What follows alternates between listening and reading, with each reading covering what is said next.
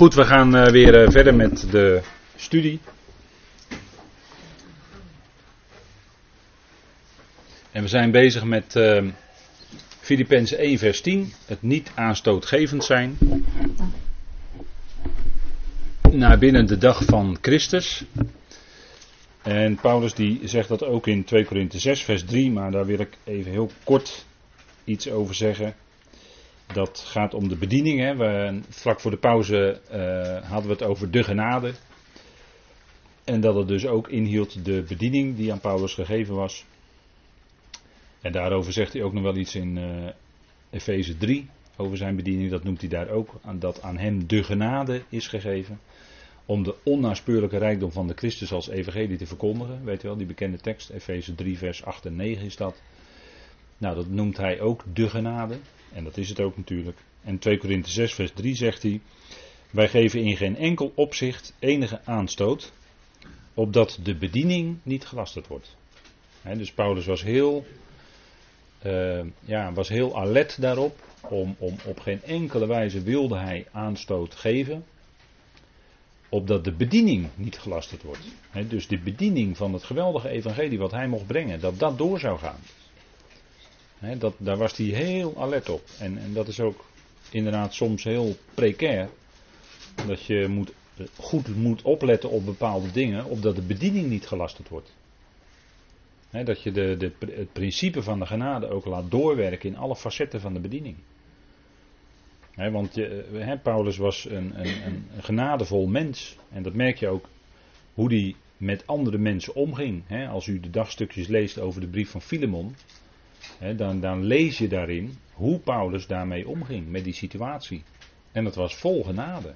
Paulus was een, gegroeid van een enorm wettische vervolger en, en lasteraar en, en, en, en een, wilde bras om mensen te vervolgen die niet naar de tradities wilden luisteren, was hij gegroeid als een, van, vanuit een enorm wettische omgeving en hij was zelf een enorm wettisch en hard mens, hè, want wettische mensen zijn vaak heel erg hard. En eigenlijk dus, daar zit meestal heel weinig liefde bij. Hoe zwaarder mensen onder de wet, hoe harder ze worden. Hè, dat, dat is een feit hoor. Maar hij was van een hard, wettisch mens, was hij gegroeid, was hij door de Heer helemaal veranderd door de inwerking van de geest. Want dat is het werk wat de geest in je doet. Dat verandert een mens van binnenuit. En niet van buitenaf dingen opleggen, dat werkt niet hoor bij een mens. Maar van binnenuit werkt die geest van God. En die werkt dan uit in Paulus, werkte uit in Paulus dat hij een genadevol en een zachtmoedig en een geduldig mens werd.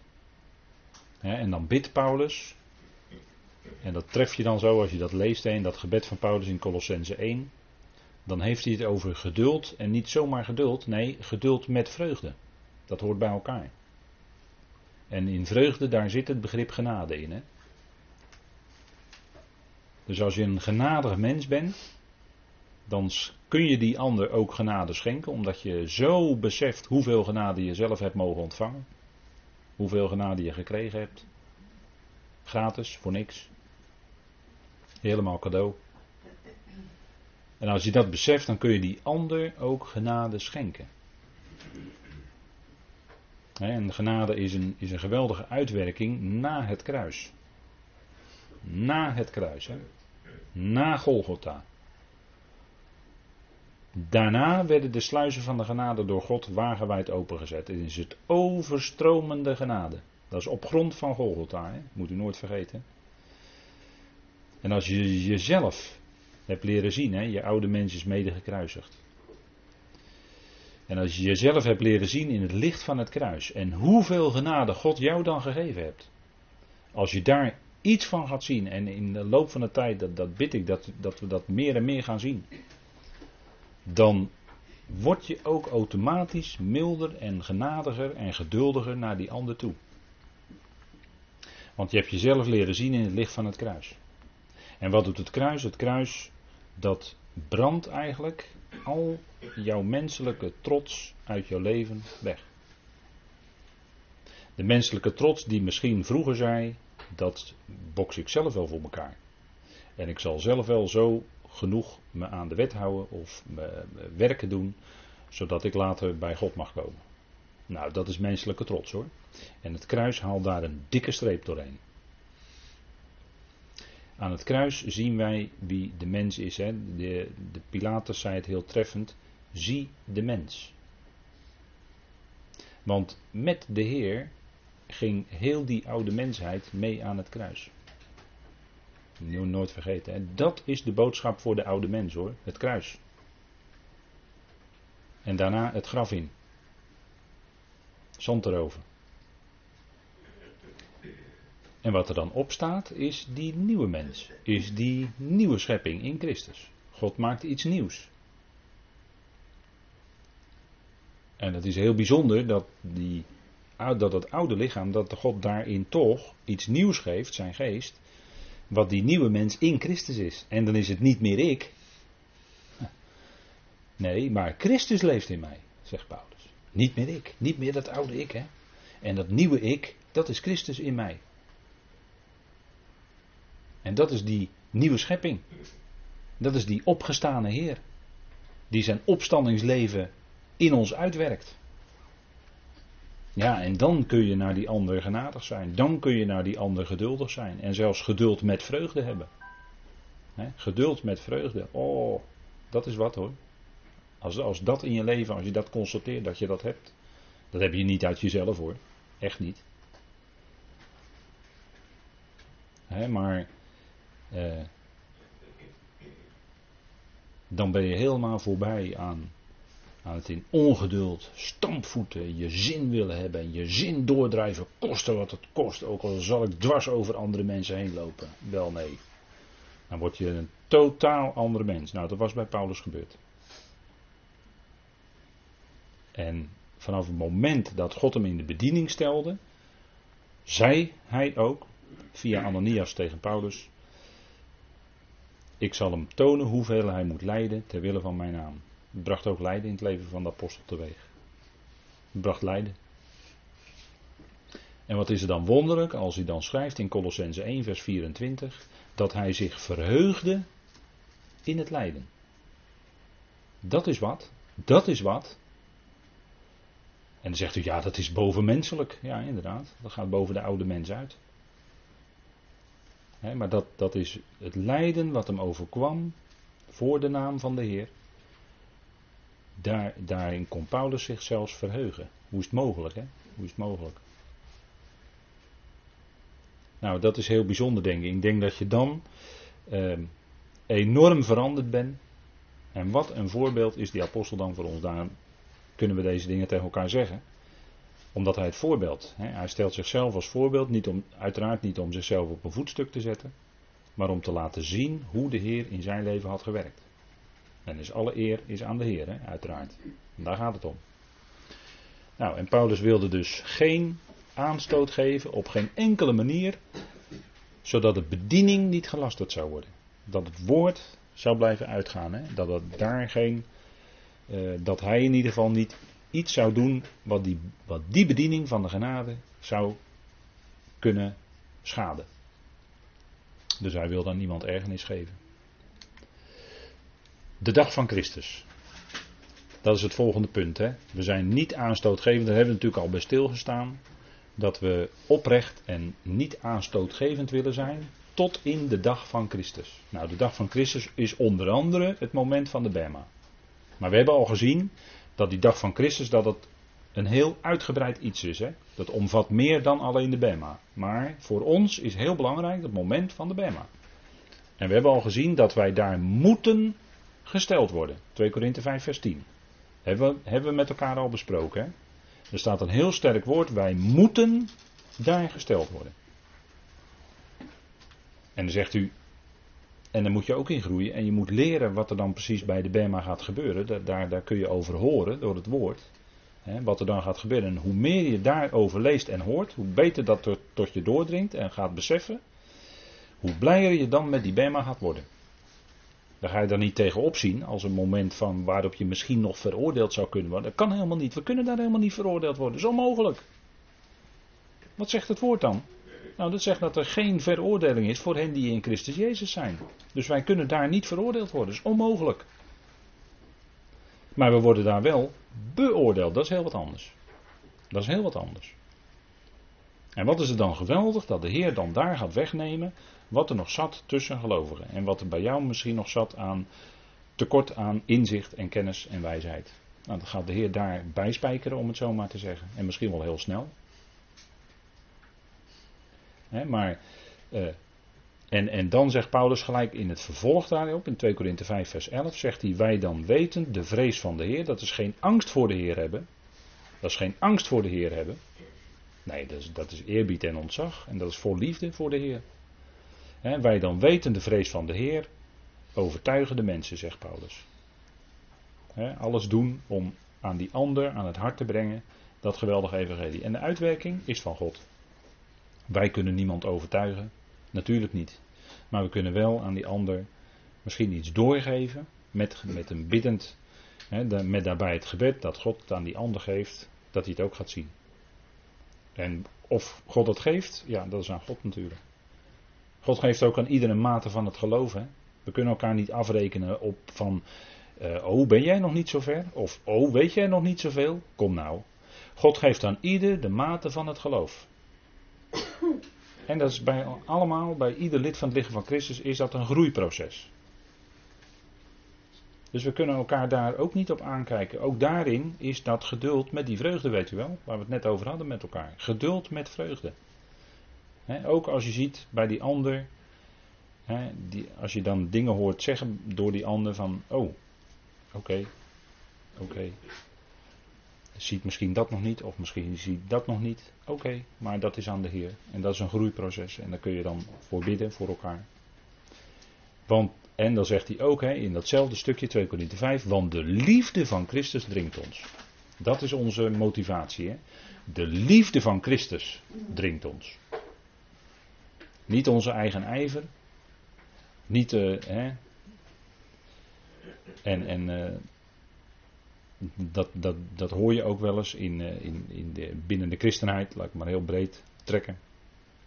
En dan wordt er tegenover elkaar gesproken over de prestaties die verricht zijn. Nou, dat is niet aan de orde hoor. Als dat je motivatie is, dat je misschien zoveel mensen tot de Heer hebt kunnen brengen, of dat je misschien zoveel mensen in de samenkomst hebt gehad, of dat je misschien hebt kunnen spreken voor zoveel mensen, of wat dan ook. Nou, als dat allemaal je motivatie is, nee, Paulus zegt, de liefde van Christus dringt ons. Dat is onze motivatie. Dat hij die ander lief heeft. En op basis daarvan iets bekendmaken of bezig zijn. dat, is, dat is de motivatie van ons. Dat is de grond onder, onder onze voeten toch tenslotte. De liefde van Christus. Die dringt ons en die dringt in je aan om iets tegen die ander misschien te kunnen zeggen of duidelijk te kunnen maken. Of door je houding misschien iets duidelijk te kunnen maken.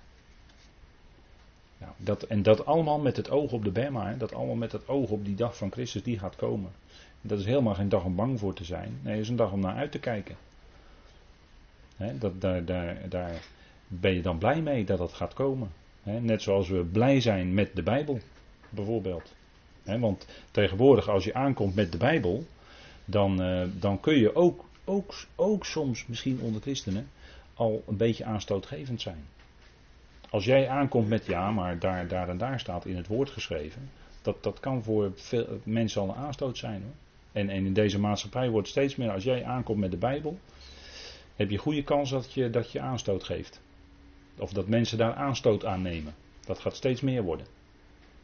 want men gaat steeds meer de Bijbel gelijkschakelen met uh, een boek als de Koran. Of een boek als uh, ja, de Veda-geschriften, weet ik wat allemaal wat er is. He. Wordt steeds meer gelijkgeschakeld. Wordt steeds meer gezien dat het allemaal het woord is van dezelfde God. En dan gaat men zeggen dat Allah dezelfde is als de God van de Bijbel. of dat Vishnu dezelfde is als de God en Vader van onze Heer Jezus Christus. Nou, dat is niet zo. Dat is niet zo. Daar zitten wel de hele, de hele grote verschillen in.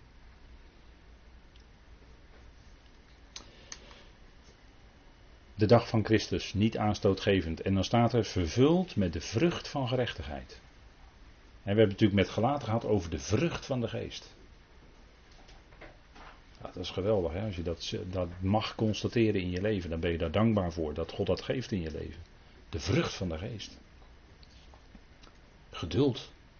Inhouding. En de zegt zelfbeheersing. Dat, je, dat je je tong kan inhouden. Dat is ook zelfbeheersing. Dat je op je tong misschien moet bijten om iets te zeggen. Of dat je woorden maar gauw inslikt. Maar als je nou een goed woord hebt tot opbouw, spreek dat dan, zegt Paulus. Als je nou een goed woord hebt tot opbouw. Spreek dat.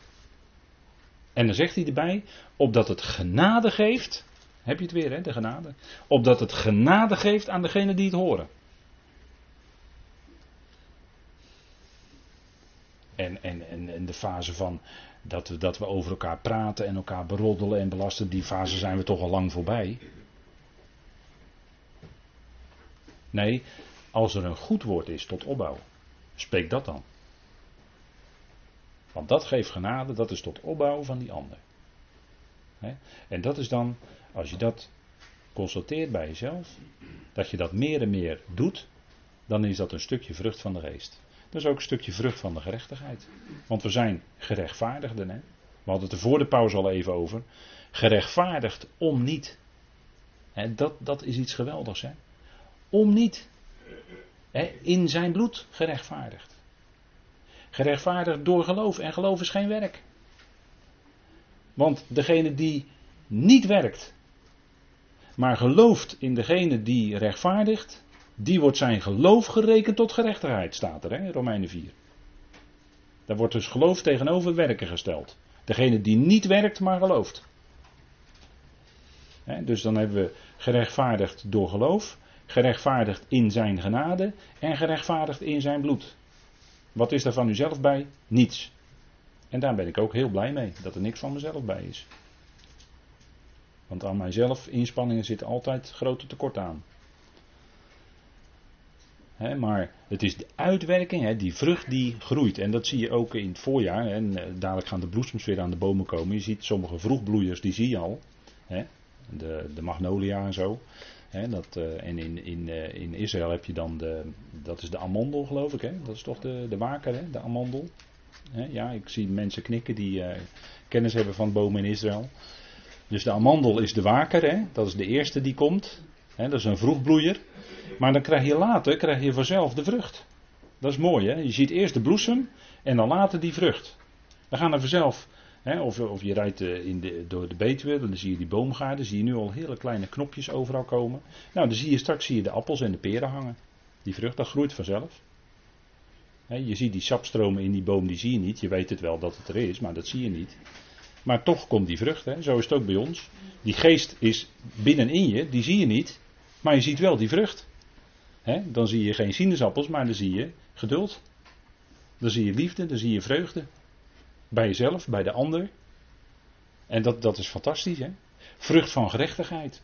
Dat je meewerkt aan de genade. Dat is ook een stukje vrucht van gerechtigheid. Hè? Je leden stelt ten dienste van de gerechtigheid. Romeinen 6 weer. Hè? Weer, weer Romeinen 6. Hè? je leden stellen ten dienste van de gerechtigheid. En dan gaat er ook een vrucht van gerechtigheid in je leven groeien. dan werk je mee aan het evangelie, terwijl je misschien voorheen tegenwerkte. ik heb mensen zien veranderen hoor, van vijanden in het, eh, van het evangelie in, in mensen die vurig het evangelie verkondigen. Werk van God. dan, eh, God. God is bij macht hoor, om vijanden in vrienden te veranderen. En dat zal hij met iedereen doen. Dat heeft hij bij u en mij al gedaan. En dat gaat hij met iedereen doen. Het is al gebeurd op Golgotha. En de rest is een uitwerking. Maar kijk, de vrucht is bijvoorbeeld, zegt Paulus in Efeze 4. Hè, wie een dief was, die stelen niet meer. En dan zie je hoe mooi God het omkeert in een leven. Maar dan ga je met je eigen handen werken. En dan kan je zelfs nog delen met degenen die behoeftig zijn. Dan kan je zelfs nog delen van jouw rijkdom met, met armen. Dus het is precies andersom, hè? dan ben je geen dief meer, maar een uitdeler. Dan ga je dus ook niet meer de eer van mensen van het hoofd roven, maar dan ga je die anderen juist goed spreken van. Van die ander ga je goed spreken.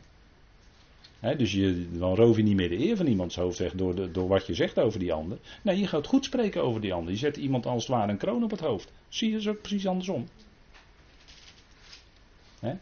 Dan, dan geef je genade, dat is tot opbouw. En dat is hem dienen in alles. Hè. Een stukje vrucht is ook hem dienen in alles. Hè. Dat zegt uh, Colossense 3, laten we hem even met elkaar opzoeken. Colossense 3.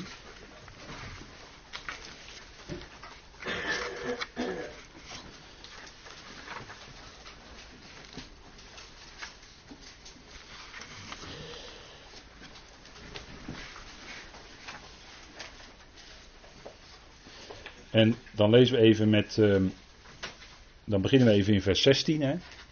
Dat is zo'n geweldig fijn principe. Hè.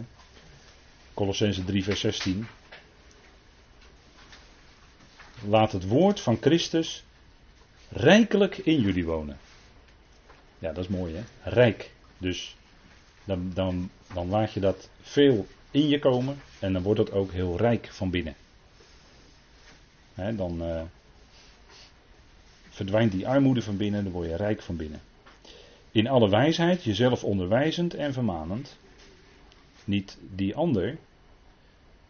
Dus even flink zeggen waar, waar het op staat. Dat staat hier niet, hè. In alle wijsheid.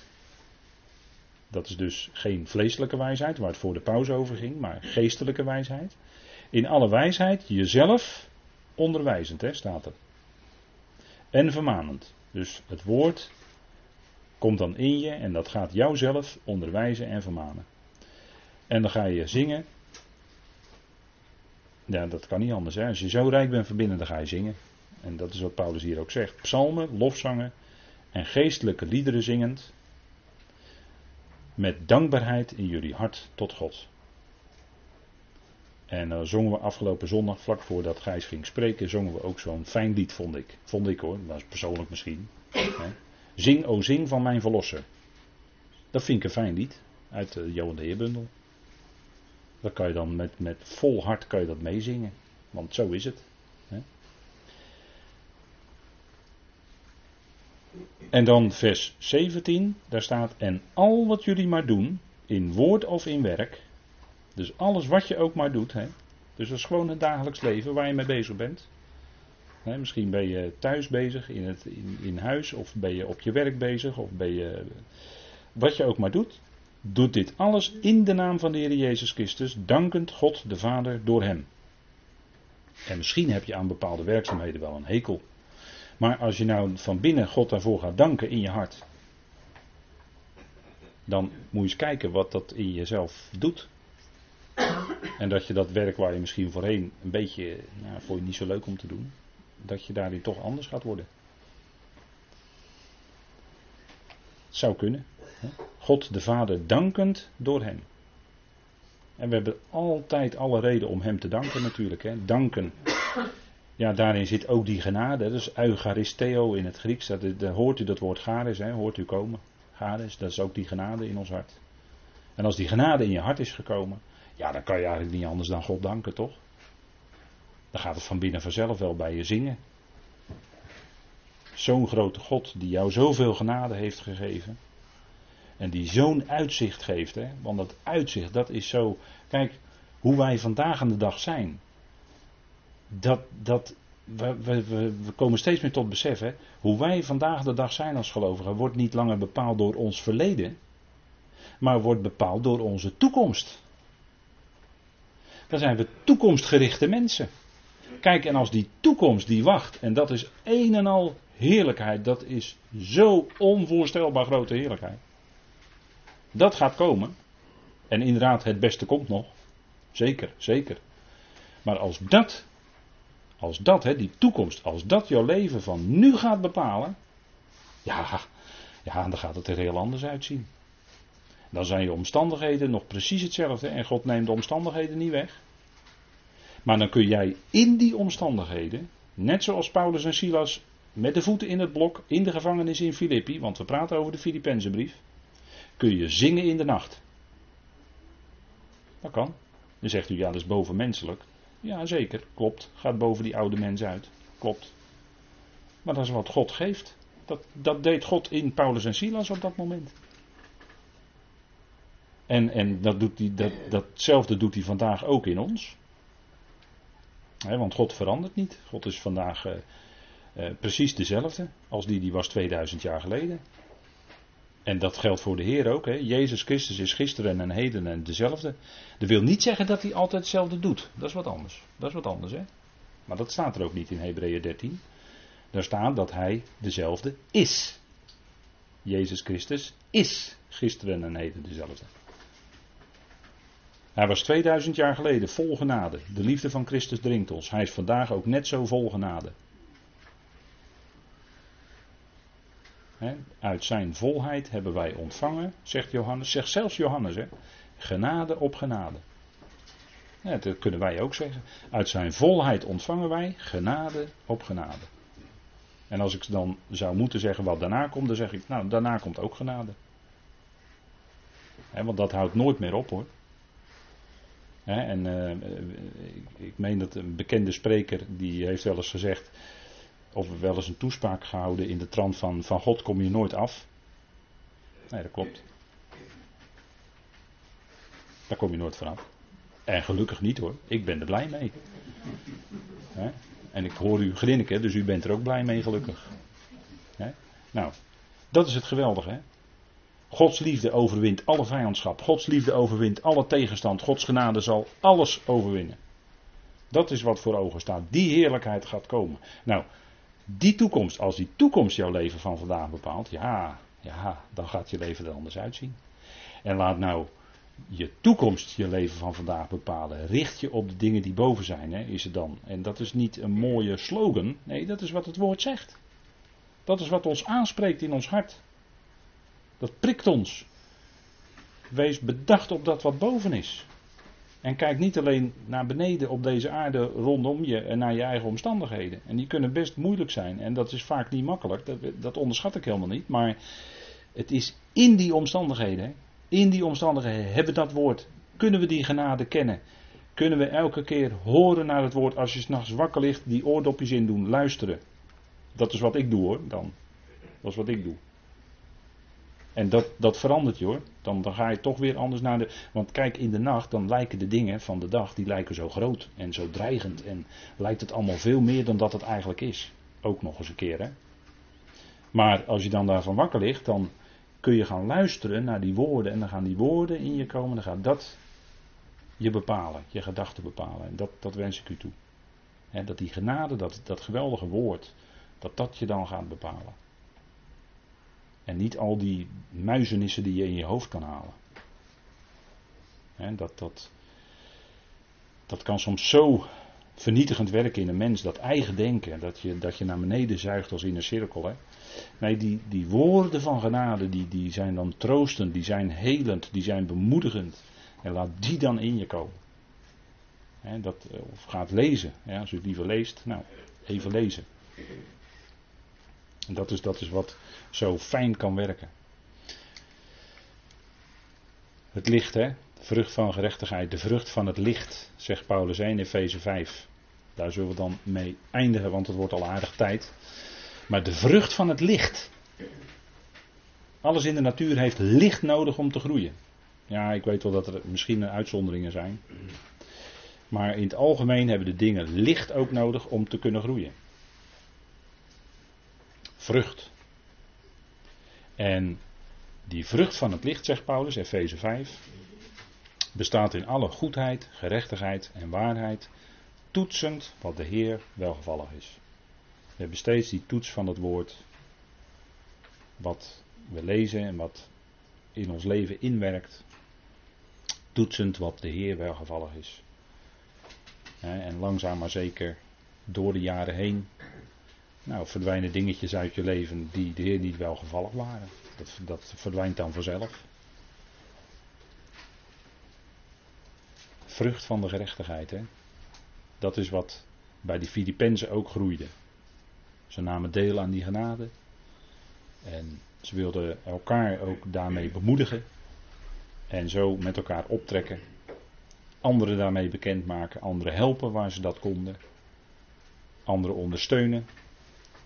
En soms, eh, heel vaak gebeurt het in stilte. Maar het is er wel en, en zo op die manier. Hè. Goedheid, gerechtigheid en waarheid. Ja, dat zijn de dingen die voortkomen uit het licht. Die hebben alles met licht te maken. En we hebben dat licht van het woord. Waar al die goedheid, gerechtigheid en waarheid van God in naar voren komt. God is waar, God is rechtvaardig, God is goed. En daaronder zit God is liefde.